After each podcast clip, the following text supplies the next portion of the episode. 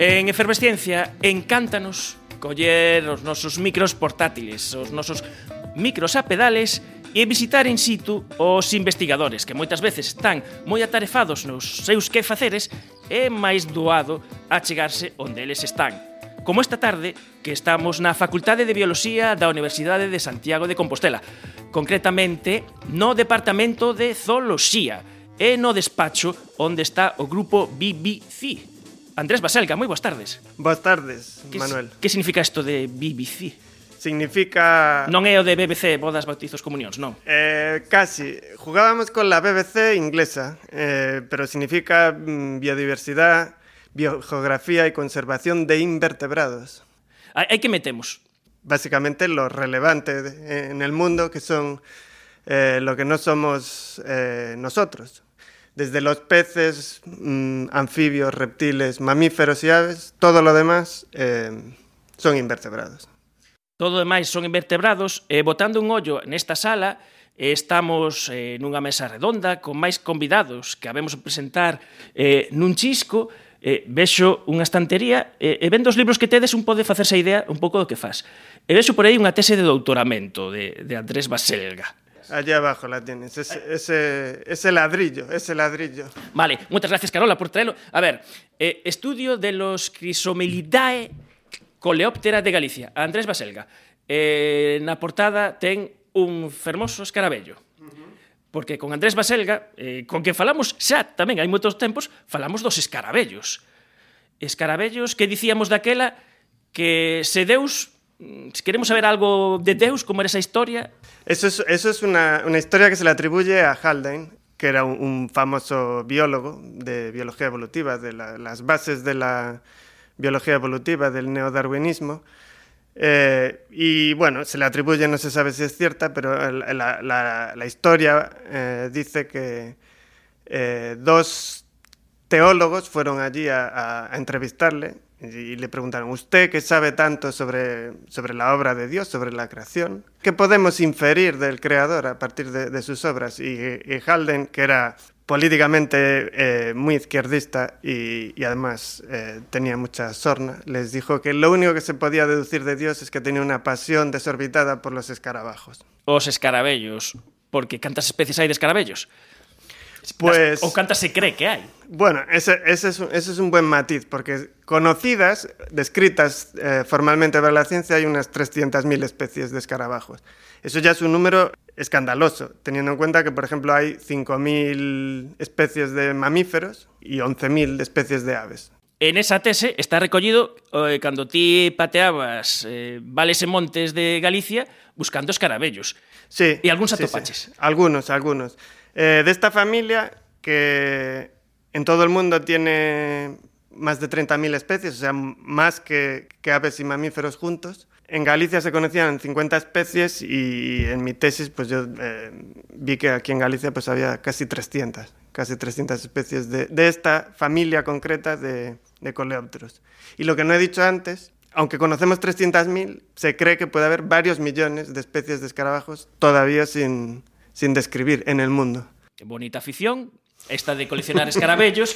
Desde os 11 anos me están chivando aquí. Eh, Isto é un paralelismo sí. con Charles Darwin. Eh, Charles Darwin, que el eh, de rapaz Tamén lle gustaban moitísimos escarabellos, de feito, na súa autobiografía conta con orgullo varias episodios, un deles é a primeira vez que er, colleu un escarabello, mandou unhas revistas que había de, de publicación de nomes, e, é todo fachentoso de que poñía escarabello tal recollido por Charles Darwin. E logo tamén está outra anécdota na que non lle chegaban as manos para coller escarabellos, tivo que meter un na boca. Eh, ti chegabas a sí. tal placer cos escarabellos Bueno, yo siempre llevaba un bote para no tener que metérmelos en la boca. A lo mejor era más previsor que... que- que- Bueno, la- por otro lado, la, la- comparación con Darwin me, me viene, me viene grande de lejos, pero a lo mejor eh, lo que sí hay es que casi cualquier naturalista que, se inicia en, el, estudio de los animales a lo que se enfrenta siempre cuando... Porque yo no, yo no decidí coleccionar escarabajos, yo decidí coleccionar insectos, pero cuando te pones a coleccionar insectos, lo que, lo que más coge son escarabajos. Entonces, casi la naturaleza te, lleva a ellos sin posibilidad de elección. E ampliamos a nosa visión con outro membro do grupo de investigación Bibici aquí no Departamento de Zoología, Carola Gómez. Moi boas tardes.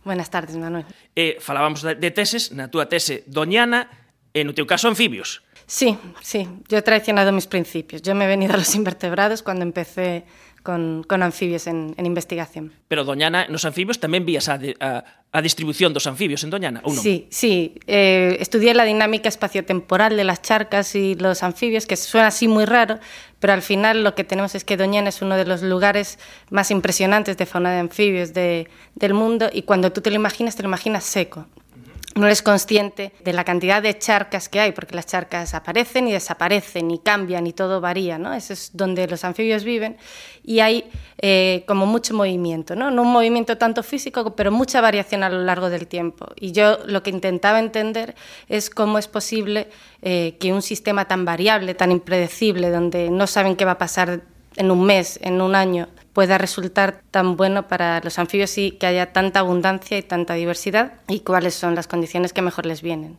Ben, agora te pasaches os invertebrados eh, unha cousa que lle preguntamos daquela a Andrés Baselga era, claro, como hai tantos escarabellos, a veces descubres algúns e tes que poñerlle un nome. Eu non sei se polleches nome a algunha, algunha especie. Que va, que va, que va. Con vertebrados es mucho más difícil. No. Yo a anfibios no he puesto ninguna y a invertebrados tampoco. Andrés, e ti a cantos bautizaches? Pues...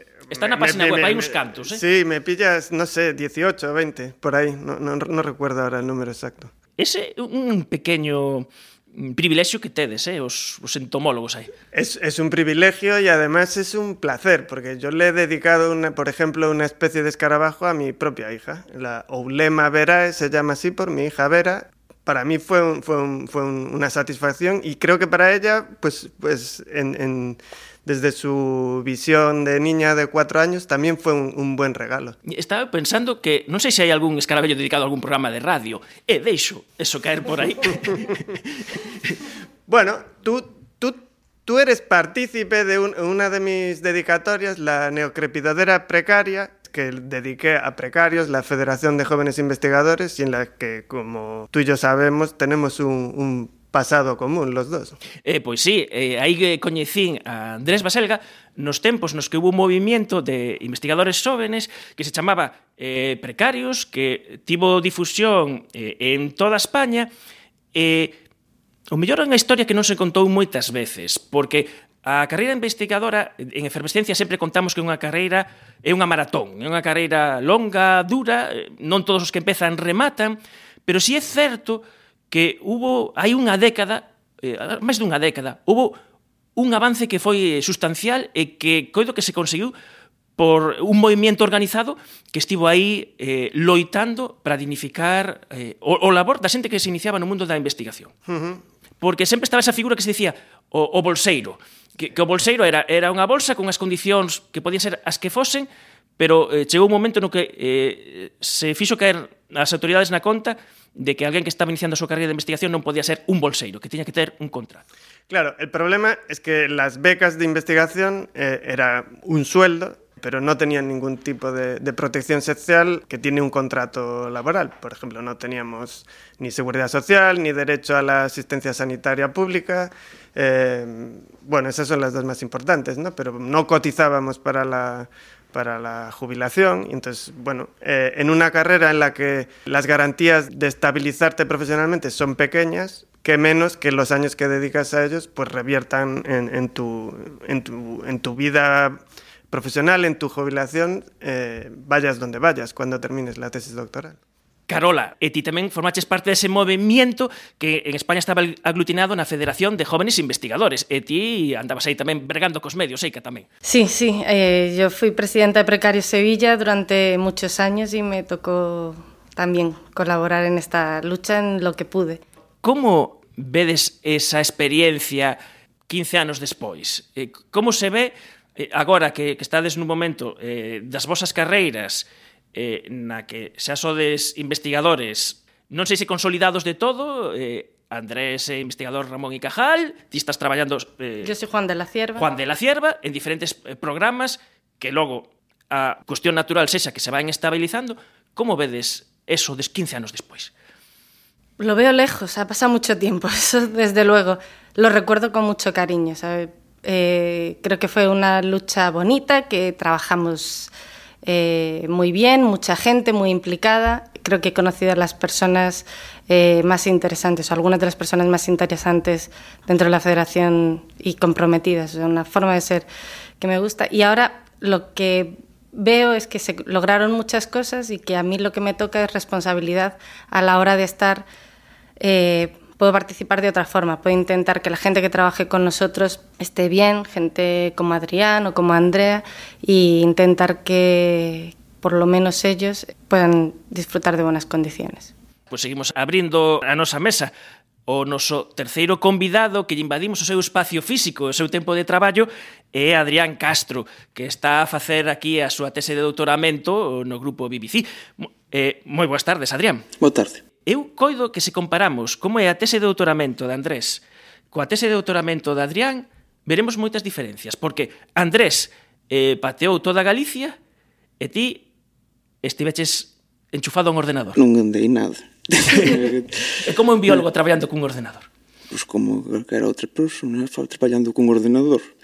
Non tan, non tan tampouco moita que Adrián es, es brillante eh, a unos niveles que cuando llegó aquí el primer día ya era capaz de analizar y de programar y de hacer cosas que eran impensables. Aprendi, fun, ah, fun aprendendo. Fue aprendiendo, pero desde el primer día, alumno de cuarto, cuarto de carrera, cuando fue Quinto. la entrevista, quinto cuando empezó, era capaz de hacer cosas eh, para nosotros impensables dentro de, de un alumno. O sea, y ese potencial de que él pudiera realmente sacar gran partido a datos mundiales que hay, porque es capaz de hacer eh, análisis como el del trabajo por el que nos estamos reuniendo, eh, no se podía desperdiciar. Él ha entrado en, la fase final eh, de análisis y redacción y de preguntas muy importantes que se ha estado haciendo.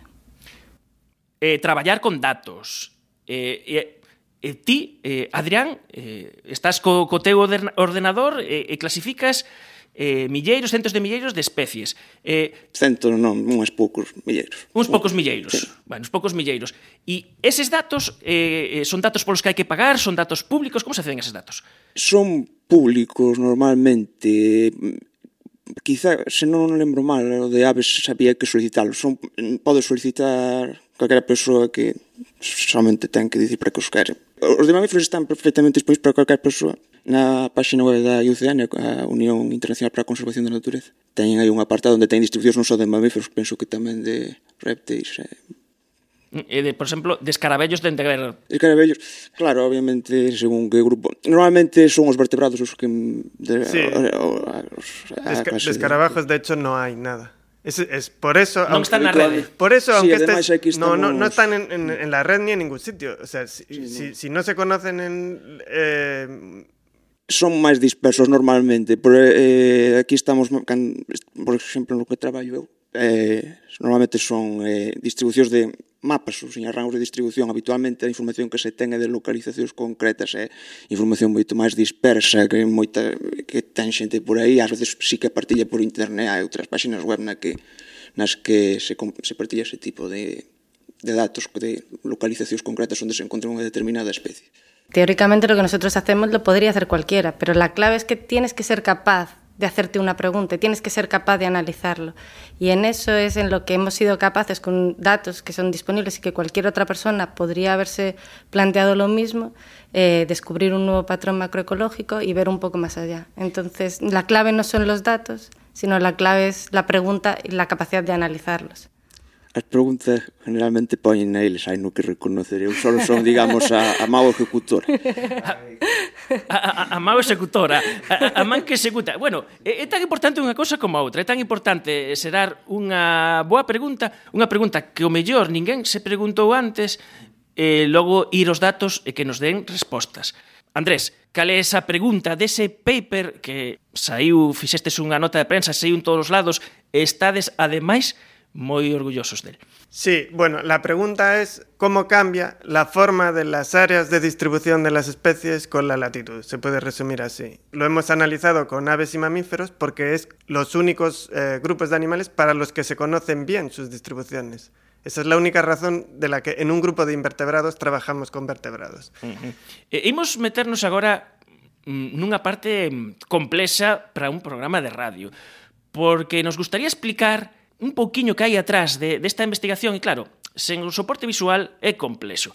Aquí neste despacho eh, temos un enorme e fermoso mapa do mundo onde Andrés, cando ves por aquí, explícache con paixón como se distribuyen todas estas cousas. Entonces aí pensei, ah, como podemos facer? Entonces fixemos un gran investimento, fui unha papelería, e comprei destes, mira, teño aquí, destes mapas mudos de xeografía física mundial. Eso, eso me recuerda al EGB, eh, Manuel. De EGB total. Entonces, que quere dicir isto? Que ora Andrés vai explicar as súas cousiñas, e... eh, eh E Carola e Adrián o mellor poden ir complementando. Como vai ser unha cousa que vamos intentar afinar o máximo posible, el lle vamos a deixar que pintarré no, no mapa. Eso, logo, eso me encanta, hacer garabatos en mapa. E logo isto o colgamos nas nosas redes e, e non sei se será unha cousa que se entenderá máis, pero fixemos unha obra de arte. Eso Pareceche ben a historia? Me, bueno, teño tres, se queredes un para cada un, mira. Así se queredes facer... E, e, e logo publicamos, quitamos aí unha foto, e, e tedes pasades o examen, vale? E, ademais, o bo que o físico non cambia, porque, sí, claro, sí, sí. se tens que comprar o, o mapa político, ese xa é máis complicado. El mapa físico non cambia hasta que sube el nivel del mar, con el cambio climático. De momento non ha cambiado mucho. Ese pode ser un titular, ¿eh? Ese es un buen titular. Ese encomillado. Eh, algún xa non imos dormir esta noite. Seguimos.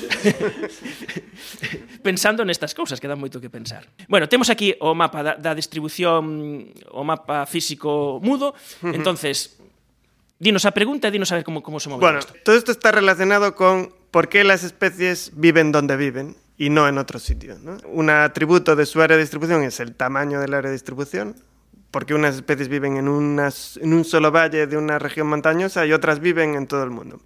Pero otro, que se ha analizado poco hasta ahora, sería la forma de, de esa área de distribución.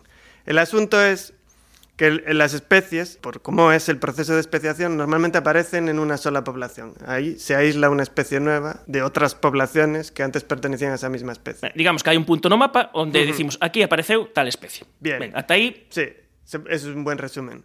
Entonces, ¿qué, qué pasaría si las condiciones climáticas no, o las condiciones ambientales en general no influyesen en la, en la, distribución de las especies. Pues que a partir de ese punto, con el paso del tiempo y, y, la expansión de las poblaciones, debido a su propia capacidad de dispersión, todos, todos los animales en principio pueden moverse, más o menos, pues el área de distribución iría creciendo, pero formando un círculo, ¿no? O algo parecido a un círculo. De una, tendría la misma probabilidad de expandirse en todas las direcciones. Acaba de pintar Andrés círculos concéntricos ahí no medio de, claro. de, de África. Como podemos imaginar, como si pusiéramos una gota de aceite en un papel o si tirásemos una piedra a un, a un estanque y hiciese ondas que Te se van expandiendo. expandiendo. Hasta ahí, ven.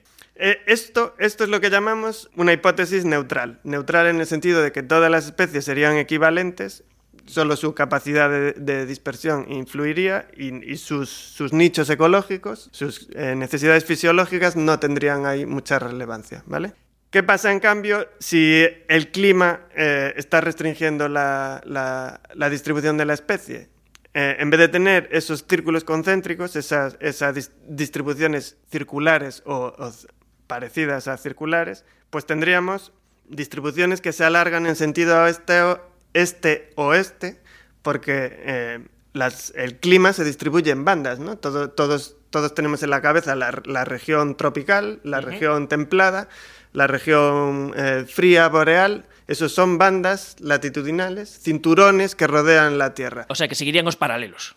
Seguirían los paralelos eh, las distribuciones. Eh, entonces, su, la forma de esos rangos de distribución dejaría de ser circular y pasaría a ser, pues, eh, un, vamos a decirlo ya que somos gallegos, un chorizo. Eh, ben, siguiendo ben. la. ¿Aceptamos a metáfora? Siguiendo, siguiendo la, un, los paralelos, ¿vale? Una banda latitudinal. Esta é mm, un pouco a pregunta de partida e logo hai que ver que pasa aí. ¡Preparaos por ¿Era de hielo? Ya había oído hablar de estos zumbaos. ¡Uah! ¡Intruso! Y no os caigáis dentro. ¿Nos devolvéis nuestro melón? El peque tiene hambre y... Ni hablar. Estas son nuestras reservas para la era glaciar. Las temperaturas subárticas nos obligarán a estar bajo tierra billones de años. ¿Y tenéis tres melones?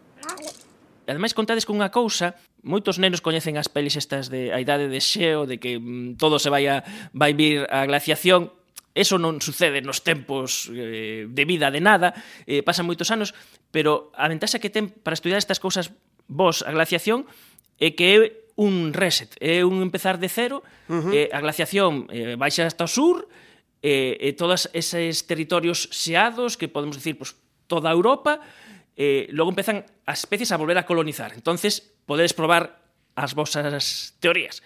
Sí, es, ese, es, ese, es, un buen ejemplo. Eh, cuando has dicho que hace mucho, en realidad no hace mucho. Eh, en tiempo evolutivo es, es nada, fue ayer. En 20.000 años, casi como el tango de Gardel, 20.000 años no son nada. Pues las bueno, en tiempo evolutivo, en tiempo vital... Claro, sí. se, se, suele decir que el, el, la edad media de una especie son, es un millón de años. Uh -huh. Entonces... Onte.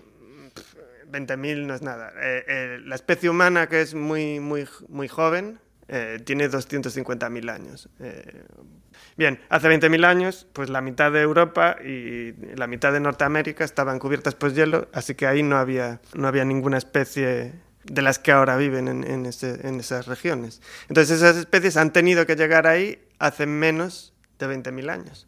Sabemos a priori que son especies con gran capacidad de dispersión, que han sido capaces desde mmm, refugios en el sur de Europa alcanzar las regiones del norte de Europa en menos de 20.000 años. E logo, como é esa distribución? Logo chegan a la riba e que pasa? Que acontece? Bueno, los resultados que hemos eh, encontrado es que son solo esas, esas especies que viven ahí, en, en esas regiones boreales, eh, las que tienen rangos de distribución alargados en sentido este-oeste. Los chorizos. Los chorizos eh, están en el norte.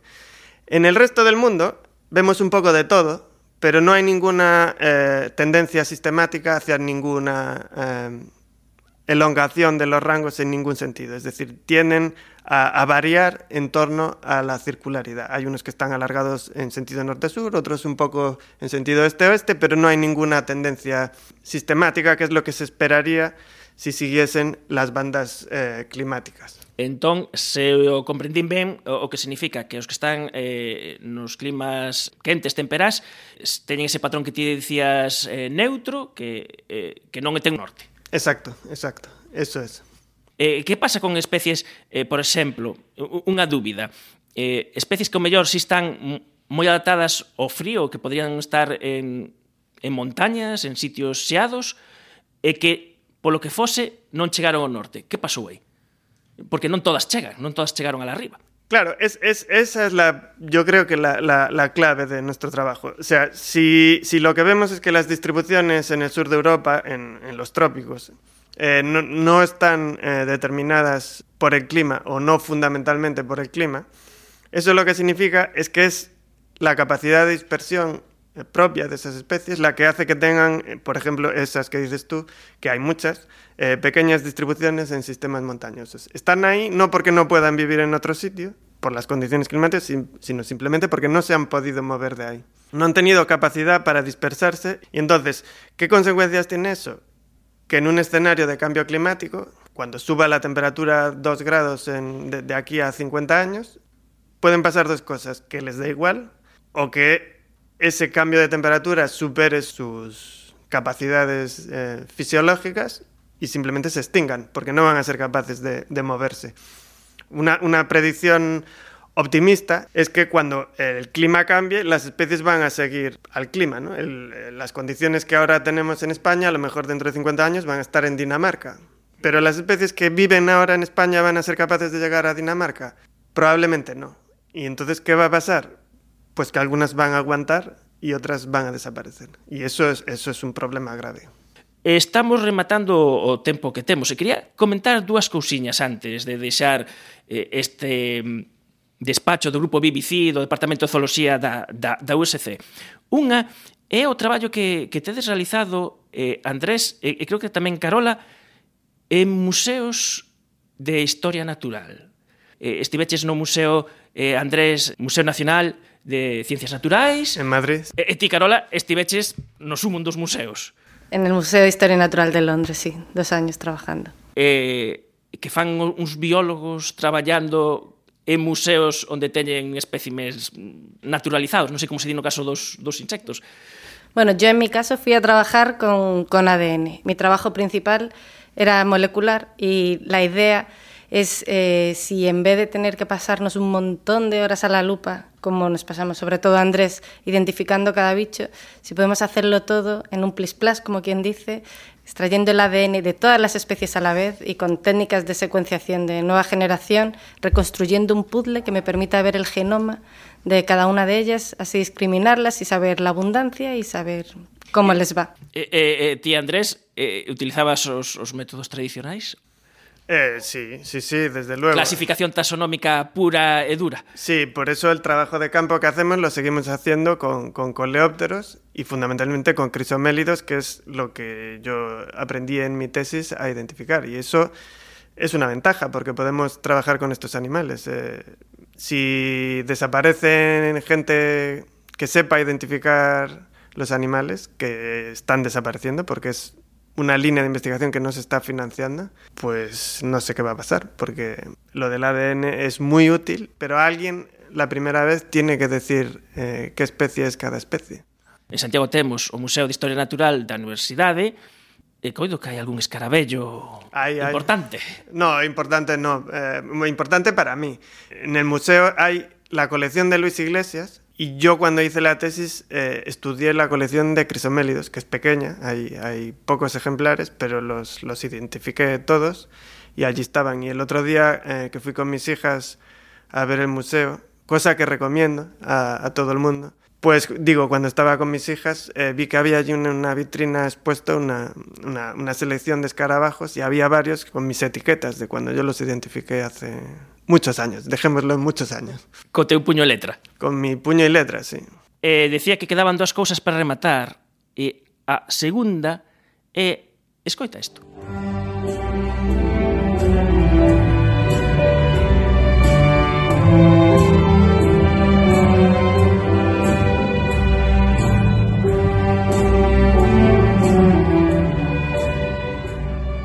que estamos a escoitar, Andrés? Eh, bueno, me da un poco de vergüenza esto, eh, pero bien, esto es eh, un concierto de la escuela de música de la que soy alumno. Estoy intentando, intentando tocar el cello.